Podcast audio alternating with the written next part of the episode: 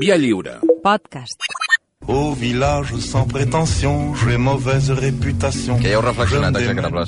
Estem en, estem, estem, En fase. Estem en Jo començo ara. Què heu fet amb les cartes electorals? Jo les tinc a la bústia encara. Si se venia, venia sentint-vos i he pensat, dic, hòstia. Hauria de buidar-la, la, buid, la bústia en algun moment. La, el dia abans de les generals Sí. les vaig buidar Sí. i les vaig llançar a la paperera davant de casa. Ah, molt bé. Eh. Però, jo- no vas treure el plàstic, reciclar el plàstic, La del el plàstic paper... no puc obrir-la, perquè posa molt nerviós. En canvi, la... Bueno, és que ara... Bueno, pot dir, hi ha, certs partits que em dono el gust de trencar-les. Ah, sí? Ah, tal com arriben? Fas el gest de... Ras. No, no, les trenco, però violentament. Ras. Les trenco Tinc petits, és perfecte. Ja, pinta, ja està. Ah, sí? És Va, que és tiro paper per pintar, està bé. Bé, avui qui és l'execrable que repassareu? Avui, avui és un llenapistes de la història. Ui! No, Ai, ai, ai. Avui és un gran... Que, que quan vam dir a la, a la nova ionesta que el fèiem, va dir, hòstia, però no l'heu fet encara. I tothom diu, com no hem fet a Napoleón Bonaparte? Oh, home?" Napoleón! Napoleón, clar, un dels tios més grans de la història. També és dels fàcils, eh? Perquè, bàsicament, no és perquè hagi guanyat moltes batalles, hagués sigut emperador, no, és que és francès. Vull dir, vull dir i una qualitat per ser execrable és ser francès. No sabem què fer, busquem, quan no sabem qui fer, busquem un francès i ja està. Tot. I tot i aquest no era tan francès i que ningú pensi Ah, no? que estem parlant de Manuel Valls. Que, No. Vull dir, no, no, no, no va per aquí, que avui és el dia de reflexió i no es poden dir coses d'aquestes. No. Però, com dèiem, és un dels homes més coneguts, admirats i odiats sense xarxes socials de la història. Aquest matí toca que li traguem la mà del pit a un home que es va fer emperador. Poca, poca broma, que no hi ha hagut molts més emperadors després d'ell. Si vas a pensar. Bocassa, l'emperador Palpatine i, i el rei de la gamba. Vull dir, no, hi ha, no hi ha masses més, no? Vull dir, i va establir codis de dret, va ser un gran militar, un militar notable, pels de l'ESO notable és un adjectiu, no només una nota d'examen, un tipus que s'ha escrit tant del que no podem presumir, aquesta vegada no, que hem llegit o sigui, sí com de Baden-Powell hi havia un llibre... Sí, ens ha- i us el veu llegir de pe a pa. Que me'l vaig menjar amb patates. Diguem-ne que amb, amb, amb Napoleó no en puc fer perquè s'ha escrit 200.000 llibres sobre el tio aquest. 200.000. Ah, no, no és una xifra a l'atzar. No, no, 200.000. Què dieu? Sí, des de, que, des de que va morir. Sí, sí. sí. Ja Home, m'imagino. abans, de, abans de que naixés no s'havia escrit cap. Això també però en vida van escriure un parell. Però, o sigui, que són més de 3, 3 milions de pàgines. O sigui, això no, no ni nosaltres hem pogut fer-ho. S'han escrit també a favor i en No, contra. no, 3 milions no, clar, si són 200.000 llibres, 3 3.000 milions, 3.000 potser. milions. Perquè 3 milions Clar, no. seria un llibres, res, de, Una- una- de 10 pàgines. És que ha posat malament els zeros. a favor i en contra. Perquè el nostre home d'avui és els historiadors com Valverde pels aficionats del futbol. Tothom té una opinió formada, fins i tot els escriptors de la nit de Sant Jordi. Però bueno, és un altre tema. Però avui portem a aquesta secció el precursor del pentinat en Sagasti, un dels dignataris més importants de la humanitat que també era un acomplexat, un malamant, un cursi, un nen bastant raret, un genocida, un tirà, un trampós, un megalòman, un racista. Sí, senyors, avui parlarem malament de Napoleone di Buonaparte, també conegut com Napoleone o com Nabulione, també com el Petit Cors, per uns, o Petit Cabron pels altres. També li deien... Li deien petit cabrón. Petit, ca- sí, a les novel·les de Pérez Reverte surt, i Pérez Reverte no menteix mai. Ah. En definitiva, mundialment més conegut com Napoleó Bonaparte.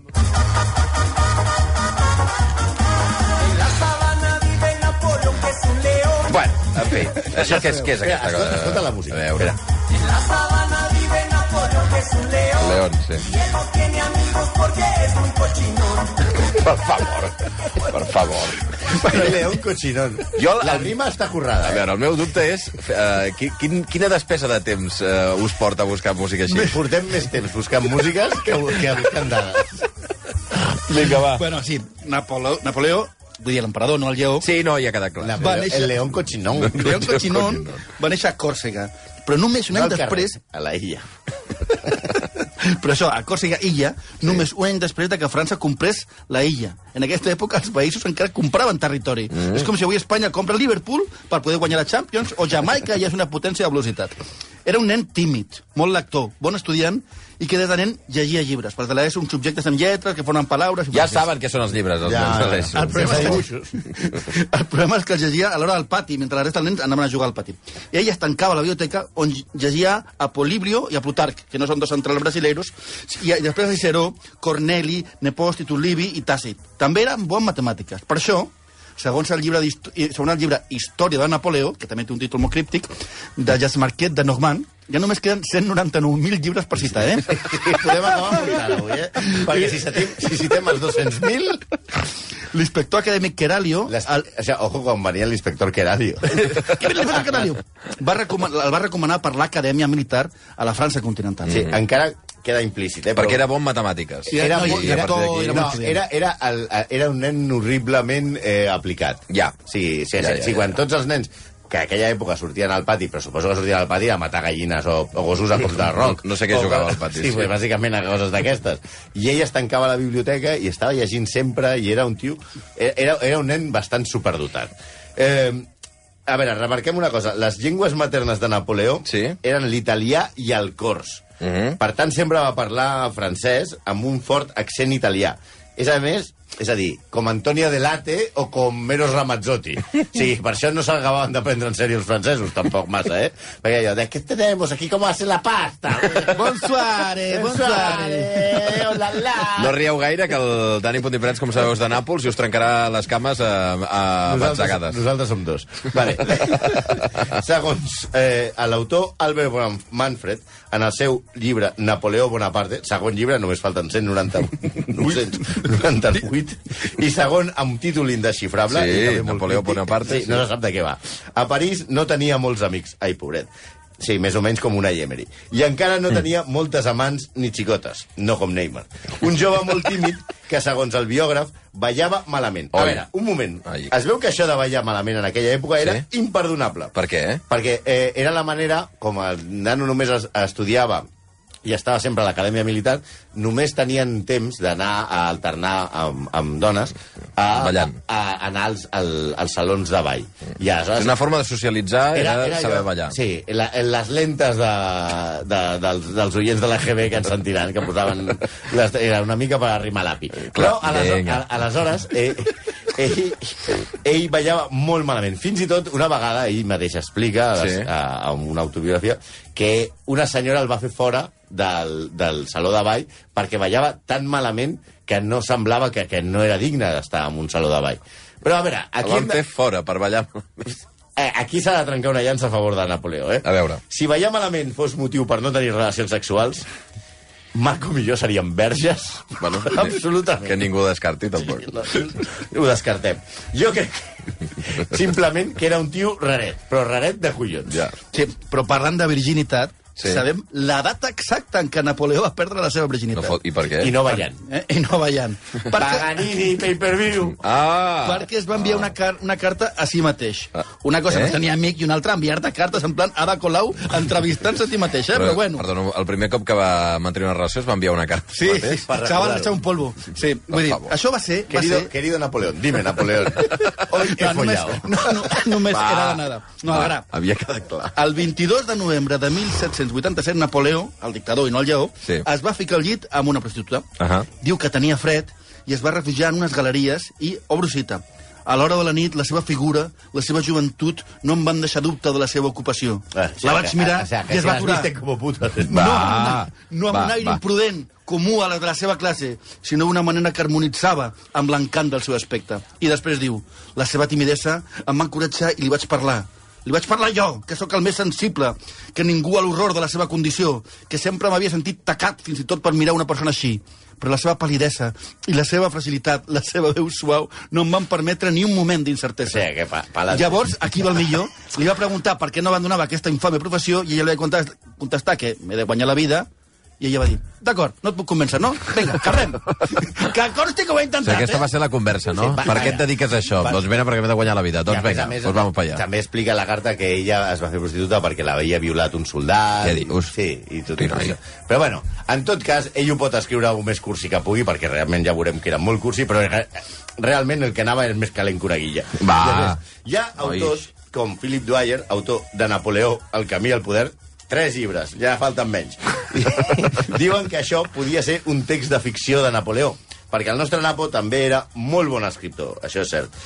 És cert que va escriure un tractat sobre el suïcidi, mira, tu, perdó, un text delirant entre la filosofia i el patriotisme francès, i que va escriure un text de 15.000 paraules contra Rousseau. Però cap d'aquests textos és de ficció. I pel que se sap, la imaginació de Napoleó no era imaginar-se com a... Era imaginar-se ell mateix com Alexandre el Gran, o Carlemany, o, o, o com Pep Guardiola, o sigui, una cosa així com conquerint-ho tot. Però no inventar històries. Ja. Vaja, que va perdre la virginitat amb una prostituta i que era un putero. Sí, ja ho pot vestir com vulgui. Josefina, puso un baile cuando ya vivía en la sierra. Que tenen una certa tirada amb aquest tipus de música, ara mateix, no sé per què. Sí, no, és I que avui Josefina... Josefina... que està orgullós de les músiques que posem en aquesta secció. Ja, ja, ja. Bueno, Josefina... Ningú ha demanat que feu una playlist de Spotify, oi que no? En, en 4 hi ha, anys... Hi ha hagut bastant friqui. Algun... Va. Avui és el Dia Mundial dels Friquis. Sí, això diuen. Era el meu cosí, era el meu cosí. Bueno, Josefina diu la cançó, però Josefina es deia Marie Joseph José Tachet de la Pagerie. I, aquí, i a La Pagerie té molt... La Pagerie. I, La Pagerie. I a Sofina l'anomenaven Rosa fins que va aparèixer Napoleó. Era Era de la, seva, la seva dona. Sí, Sí. la famosa Napoleón i Josefina. Sí, home, sí. Era de les Antilles franceses, ho va dir per l'ESO. Era de les Antilles franceses, s'havia casat i separat quan va conèixer Napo, Oh. i era, el, era l'amant d'un dels homes més importants de la revolució, Jean-Nicolas Bagàs, líder del directori. Per l'ESO, un directori no és una llista de telèfon. En fi, Ja, és l'agenda del mòbil. es van Sí, casar i França l'adorava. Sí, França l'adorava, però ell adorava totes les altres que fossin franceses o no franceses. Es diu que Napoleó va tenir 51 amants. Una per cada província espanyola. No té res a veure, però m'he Eh? imaginat el poble cantant-li Napoleón, una, i no 51! Que seria el que li cantarien els de Vox. Sereu burros. Va. Cal dir que les, segons, segons les cròniques ella estava molt enamorada d'ell i que ella estava tot el dia fora. Clar, és el que té, és que treballa fora. Mm, és veritat. El tio treballava conquerint països. O sigui, per tant, no, no parava molt a casa i tampoc podia portar-se la feina a casa. Perquè, clar, tengo que conquistar Bèlgica. No puc portar-me a la batalla d'Austerlitz al saló de casa. Pues per això, per això. Ell treballava molt a fora. Ja, ja, ja. I ella què havia? Ella, aleshores, es mantenia ocupada. Mm. Molt ocupada i molt estirada. Les raons d'aquesta fredor es poden entendre eh, perquè, evidentment, no tenien una relació continuada matrimonial, no? I la distància trenca el carinyo, no? Abans de res, de l'anterior marit, del senyor Barràs, no es va divorciar. El van guillotinar. Ah. S'hi va perdre coll i barres. Ah, val. el problema de papers estava resolt. Però la cosa és que, segons l'historiador Andrew Roberts... I després Quatre. Quatre, Quatre- quatre Vamos, dels Ja 220. falten menys. I són només les 10.53. Vale. Sí, eh, va estudiar tota la correspondència de Napoleó. Va, de, va, de, de, va decretar que Napoleó era un inepte sexual. Un maldestre, un amant horrible. Segons Roberts, a més, Napoleó només volia sexe oral, que tampoc és que sigui tonto, però que, no és, que, que sexe oral no és parlar del sexe, no és el sexting. I clar, així no tenien fills. També era el precursor Napoleó de quan arribava a casa després d'estar amb les 51 amants de avui no, Josefina, que em fa mal al cap. Ella al principi es va buscar amants, com Barràs i més joves, i tot el que pillava. L'excusa de Napoleó és que ella no podia tenir fills, que no donava descendència. Però la veritat és que aquest matrimoni era més aviat un desastre. S'ha de dir que ell li enviava cartes sense parar i que estava obsessionat amb la fidelitat d'ella, òbviament. Amb la seva i en vist que no. Li arribava a escriure tres cartes al dia preguntant-li si el trobava atractiu i si era fidel. Napoleó era un precursor de l'espam, per no dir que era un assetjador. Arriba a tenir telèfon mòbil que fa més calla. pesat que aquests d'Orange per per canviar de companyia. Sí, hi ha una altra història que podria explicar la manca de relacions que tenia entre Josefina i Na- Napoleó, Sí. i fins i tot allò de, del sexe oral. A veure. Josefina s'estava quedant sense dents. Ai, va, Per va. tant, Pepina, no- Ai. llama pa Pepina. Ai, ai, ai, ai, ai. Va, va, va. Oh, Sí, senyor. No, no, sí, No, no, no sé bé. si us imagineu la, la imatge, però... No, però és igual, Fa una és mica que- de grima. Però també hi ha una anècdota, no? Maria Lluïsa de Parma, dona de Carles IV, Sí. que tenia problema contrari, furor uterí i 24 en braços. Hosti, sí, era, 24 en braços. A, a, a, sí, és que els borbons d'aquí sempre han sigut Mm. molt, més, molt més potent. Portava dentadura de porcellana, Oh, que va implantar tant Josefina que la reina... la va implantar? Sí, ella va ser la primera que va portar això. I aleshores, eh, la reina consort, eh, quan es va trobar amb Josefina, li va dir és que m'estic quedant sense dents. I l'altre li va dir mira què porto jo. I es va treure la dentadura davant d'ella per ensenyar-li mira què tengo yo aquí. Eh, hago yo y, y, y hago las cosas que tengo 24 en brazos. Va, va, va. Aleshores, això li va fer molt de fàstic a Josefina, que va tenir fins i tot arcades. I és que els nostres reis, els espanyols, quan ningú els veu, poden arribar a un moment de campatxanisme que es poden, Excessiu, arribar a, passar, es poden arribar a passar a la ratlla. Sí, per parlar del físic, tenim una notícia bomba. Bomba, bomba, eh? Exclusiva. Exclusiva. No és que Napoleó es plantejava com a saga, estic que sabem, però és que Napoleó no era baixet. Oh, Què què dius? Tot Però això si és... tothom ho diu. Ja, ja, ja, perquè era baixet, era una complexa perquè era baixet. No és cert. Això és malícia britànica. En l'autòpsia de Napoleó s'especifiquen les seves mesures i media 1,69. A veure, tampoc no era un... Però per l'època- Però per l'època estava bé. molt sí. malament. El Que no era sistema- Pau Gasol. No, era, era, la, la, era més que la mitjana i era més Ah, sí, que la mitjana eh? anglesa, fins i tot, sí. El sistema que van servir la Piet Metric Napoleonic, que és una, una, un sistema de, que no és el- el- a l'anglès, i els anglesos el van pensar que era el mateix, i li van treure 10 centímetres. De, Tam- de tamany. També les caricatures de James Gilray, inspirant-se en els viatges de Gulliver, van perpetuar aquesta imatge de petit. I també un error de Napoleó, que va demanar que la seva guàrdia imperial fos d'almenys 1,78. Clar, sempre sortia amb Clar. uns pallos molt més alts que ell. Però, però que media com un jugador del Barça. Sí, o sigui, de fet, media com Messi. I no... O sigui, Messi i ell tenien la mateixa altura. Però Genís. No deixem les cartes, perquè... i Iniesta i Xavi, o sigui, per tant, no, no, hi, no hi havia per tant. Però no deixem les cartes, perquè Napoleó era, com hem dit abans, molt cursi. 11 dies després del seu casament va marxar al front, allò de tengo, tengo, tenc, tinc feina a Austerlitz, ara torno. I va escriure, li va escriure a Josefina, clar, ni un sol dia, obro cometes, ni un sol dia ha passat sense estimar-te, ni una sola nit sense abraçar-te en els meus braços, ni una sola tassa de te que també és, és, és cutre, he pres sense maleir la glòria i l'ambició que em mantenen allunyat de l'ànima de la meva vida. Enmig de les meves ocupacions, al capdavant de les tropes, recorrent els camps, la meva adorable Josephine és l'única al meu cor, la que ocupa el meu esperit i atrapa els meus passaments. Mira, mira, mira, ni la Maria de Pau Gené, tu. Va. Tot i que la millor frase de Napoleó a, una, a Josefina amb una carta, aquí ja se li va passar, va dir Josefina, arribo demà a París a la nit. No et rentis. Això és literal? Sí, sí, no et rentis. O sea, que quiero oler bacalao. Va. Coneixent la higiene de l'època favor. i l'olor que havia de tenir Josefina ja normalment, havia de ser bastant de vàter embussat. Sí. Na Napoleó acabaria repudiant a Josefina abans de casar-se amb Maria Lluïsa d'Àustria, després d'un romans amb Maria Valesca, amb qui va tenir un fill. Dies abans de la seva abdicació, Napoleó va enviar una última Mira que era carta pesat el tio les cartes, eh? a, a, a, a Josefina. Més que els partits polítics. Adeu, meva estifada Josefina, resigneu-vos, com faig jo, i no perdeu el record de, que no, de, de qui no us ha oblidat mai, i no us oblidarà mai. O sigui, me'n vaig, però no sense donar-te una hipoglucèmia, una altra carta cursi. Potser li van caure les dents per, tantes, per tant de sucre, eh?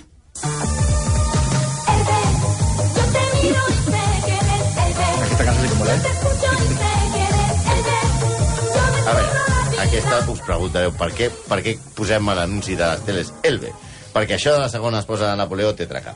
Ell volia casar-se amb una dona que pertanyés a una dinastia important. Collons amb el revolucionari, o sigui, el tio intenta fer ho de la revolució francesa i es casa amb Maria Lluïsa d'Àustria, que havia vist com Àustria i França havien estat en guerra i com el petit cors havia derrotat i causat grans, grans baixes als seus compatriotes. Ella es va casar molt obedient i professional. Però el 1812 Napoleó fica la pota, o se li congela, a Rússia. I diverses potències europees, entre elles Àustria, la la seva dona, tornen a les hostilitats. Derrotat, s'exilia a Elba, que no és una tele, d'aquí la cançó de Elbe, sinó una illa entre Còrsega i Itàlia. Va tenir un fill amb Napoleó, que havia de ser l'hereu, i que va néixer, i quan va néixer va ser anomenat rei de Roma. Això estem parlant d'abans de Totti, Rose, Cafú, Mancini, Manolas Ancelotti. Encara que Napoleó el va designar com el seu successor, no va arribar a ser-ho. Es diu que era el pare d'un altre execrable, Maximiliano I. L'emperadriu, alliberada de Napo, es va casar amb un escuder, en qui va tenir tres criatures, i després amb el seu camarlenc. No es buscaven nòvios massa lluny. No, perquè sempre era el que havia. Napoleó, això sí, era un militar brillant. Va tenir d'aliat a un germà de Robespierre, que sabíem que era una mica bèstia, i va sufocar una revolta contrarrevolucionària a Toló. També el 1795 va sufocar una rebel·lió a París, va assetjar la ciutat. O sigui, aquí no explicarem tota la seva carrera militar perquè seria molt llarg, però va banyar en sang la ciutat, va salvar la convenció, després va guanyar els piemontesos, els austriacs, va conquerir Itàlia, va convertir un exèrcit desordenat després de la Revolució Francesa com, amb una veritable màquina de guerra, que li van dir la Gran Armée, i va començar a organitzar Itàlia administrativament. Però ell també, quan estava allà manant i era el gran, el gran militar, va començar a no fer cas als polítics de París i a fer les coses de la seva manera. És a dir, era molt bo, però desobedient. Una mena de Dembélé, però amb panxeta. a, a Abukir, Nelson li va pos- posar les coses difícils i ho va tornar a fer després més tard a Trafalgar, sí, com Trafalgar Square. I la nova França es desfeia en lluites internes. Ell va escapar a França, de fet va desertar, per ser exactes, però va arribar a París com un heroi. Al poc temps va donar un cop d'estat, però un cop d'estat de veritat, no d'aquests. Va instaurar un govern provisional que es deia el consulat. I ell, és clar, era el cònsul. Era provisional. Però això no li va agradar i va decidir canviar això de provisional per vitalici. Vaja, el que es diu un dictador. Bé, més aviat, més aviat. Poc després, després de cònsul, es va fer emperador, que això de cònsul sonava poca cosa. Tenia gairebé a tota Europa el seu, sota el seu poder i imposava el nou ordre civil, acabant amb sistemes feudals, amb els règims eclesiàstics. Va imposar el Codi Civil francès, que es va dir Codi Napoleònic. No es fos clar que no quedés clar i que no tingués... Copyright, nen. Com a megalomania. Mentrestant, a París feia purgues per acabar amb la fragmentada dissidència. Fins i tot recloia alguns opositors en psiquiàtrics, que eh, es deien més o menys com cases de salut. O sigui, quan a tu et deien vaya abuelo, vamos a la casa de salut, no. Volia dir que eren El centres de reeducació, camps de concentració. El conqueridor de mitja Europa i Egipte tenia un poder absolut a aquella època. Sí, i ara, atenció, eh, spoilers, perquè només era, Ojo que veu spoiler, eh? A veure, De Només de era- Trons. de Joc de Trons, veure. només era un bon militar, sinó que era i cruel. En la campanya per conquerir la província otomana Otoemana! Otoemana de Síria, Lamentable. Lamentable. de, de Síria, que va ser un passeig campal, a la ciutat de Jaffa va fer el que Daenerys amb el, penitu, amb el penúltim capítol de Joc de Trons. Vull dir, no, no va matar un exèrcit amb un, amb un, amb un drac, però No, no tenia dracs, no? no tenia... Bueno, però sí, No, es, es, de fet, els seus, els seus usos els hi deien els dracs. Els dracs ah. sí tenia dracs, però bueno, en aquest cas no eren els dracs. Però els soldats, igual que els dracs de Daenerys, van assassinar amb baionetes a 2.000 turcs que ja s'havien rendit i que no posaven, òbviament, resistència. Durant tres dies continuaria assassinant la població civil sense discriminar entre nens, gent gran, dones o malalts. Després ja va dir, bueno, ja està bé, sembla que m'he passat, i va decidir ser bo. I va executar 3.000 soldats. Cuando leía la historia siempre decía qué pena, qué pena que, que España ganara la guerra de la independencia. A mí me hubiera gustado muchísimo que la ganara Francia. Aquest és Fernando Trueba. Fernando Trueba, el dia que recull el Premi Nacional de Jo Cultura. nunca Aquell m'he sentit espanyol. Que acaba de dir nunca m'he sentit espanyol, però venia per això, no venia per altres coses. Mm. Perquè realment eh, eh, la- a la- l'exèrcit francès portava la modernitat a Espanya. Portava, anava en contra, però clar, amb l'excusa d'aquella de que marxo a Portugal a prendre el sol a Estoril, a menjar bacallà i passo per Espanya, però tu tranquil, es va quedar a Espanya. I ja sabem que gràcies a la historiografia espanyola fomentada per Esperanza Aguirre i Pérez Reverte, el que va passar el 2 de maig, I Garci. Sí, clar, Pepe Botella, la Guerra de la Independència, Goya, l'Empecinado... Sí, senyor. I, I tot allò que té tota la raó Fernando Trueba. Si s'haguessin quedat els francesos, la veritat és que aquest país seria molt millor. La nostra primera dama, per exemple, no hagués estat mai Anna Botella. Hauria estat Carla Bruni. I la marsellesa i l'himne d'Espanya almenys tindria lletra. I haguessin guanyat dos mundials.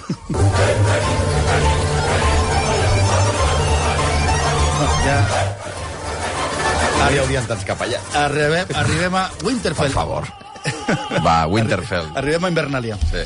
El 23 de juny de 1812, en 600.000 homes... 600.000, a veure. 600.000 homes, avui ja tinc molt bé. Mo, Otoe. 600.000 Mira que va inventar la homes. paraula Otoe per dir aquestes coses. i- Otoemes. I, I no haver de dir Twitter, 600.000. més, més de mig milió d'homes i més 300.000 que Otoe portava... més. Otoe més. més o sigui, gairebé un milió de soldats, eh, 600.000 més 300.000, que venien de la 900.000. península ibèrica, Napoleó va decidir envair Rússia, que és el que dèiem d'Invernalia. Mm. No semblava bona idea. Va arribar a Moscou, però finalment va haver de retirar-se.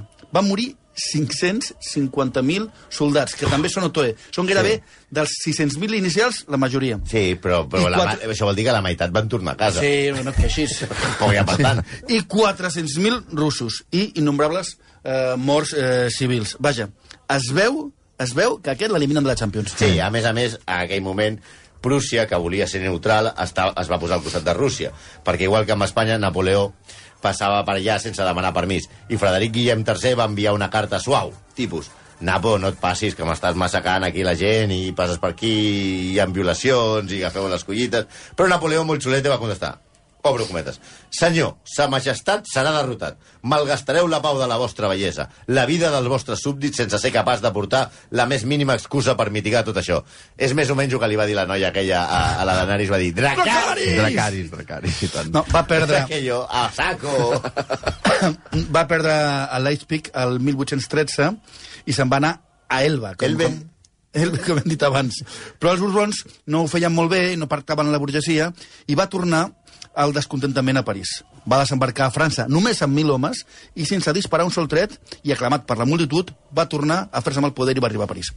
Però en poc més de tres mesos se'l van pelar a Waterloo. El van exiliar a una illa davant de la costa d'Angola, però Otoe juny Ja, la d'Elbe ja no servia. no servia, anomenada Santa Helena, i allà va morir de càncer d'estómac. Però també hi ha una més coses que, que el fan anar execrable. Era un racista de manual, que gairebé ens deixem aquest tema. Va restablir l'esclavitud que havia estat abolida per les, pels revolucionaris el 1794. Molt maco. I va prohibir els matrimonis mixtos entre diferents races. Sí, sí, i els habitants d'Haití i Guadalupe, a les Antilles, es van rebel·lar contra la mesura, òbviament. Segons l'historiador, no sé ja com portem 4 o 5, Cinc. Claude, Claude Rip, Hem la, fet repres gairebé tots els llibres sobre Napoleó, ja. la repressió va acabar amb 100.000 persones. Rebels innocents va ser executats, ofegats i fins i tot gassejats amb diòxid de sulfur. Fins i tot manté que es van dur nous, se van agafar nous esclaus d'Àfrica, que eren més dòcils, per substituir els que havien matat. Que O sigui, el que li faltava a l'amic Napo, eh? I per citar, finalment, l'últim llibre, hi ha un que sosté que Napoleó no s'assem- no s'assemblava gens a Hitler.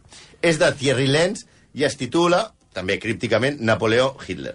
La comparació impossible. A veure, el tio, penseu, eh? O sigui, el tio escriu un llibre que diu Napoleó Hitler, la comparació impossible. No l'hem llegit. No l'hem llegit, però, Val. però hem tret l'extracte i diu per què és la comparació impossible? Ve a dir, cap dels dos era realment baixet. El que era baixet era Franco, això és veritat. Els dos eren racistes. Bueno, doncs igual s'assemblaven a alguna cosa. Cap dels dos va néixer a la capital del que deia que, que al final seria el seu imperi. I van néixer amb, atenció a la dada, eh? Els amics del, de la nau del misteri. Van néixer amb 129 anys de diferència. 129. I què? Napoleó es va fer emperador el 1804 Sí. i Hitler va arribar al poder el 1933. 129 anys de diferència. Oh. Napoleó va entrar a Viena el 1809 i Hitler va entrar a Viena el 1938. La diferència? 129. Napoleó va envair Rússia el 1812 i Hitler el 1941. Diferència? 129. Pels dos, això va ser el principi de la fi. Napoleó va perdre la guerra el 1815 i Hitler el 1945. Quina és la diferència? 129! La veritat és que diu aquest llibre, no hi ha cap paral·lelisme entre els dos. Cap! Saps que jo crec que aquesta última dada... La, la última és entre 40... És, són 30. Perquè del hem fet- hem 1815 arrodonit per a mesos. 1945 Ja van ser 30. 130. No ho hem arrodonit. Què pensava, que no me n'adonaria, no? No, Perquè són 129 i dos mesos en són aquest 29 i dos mesos. Ja, ja, perquè no us, us acabava de quedar... Casualitat? No creo. No, creo. Execrables. Que vagi molt bé, eh? Ah. Apa, adéu-siau. Vinga. Tout le monde viendra me voir pendu, sauf les aveugles, bien entendu.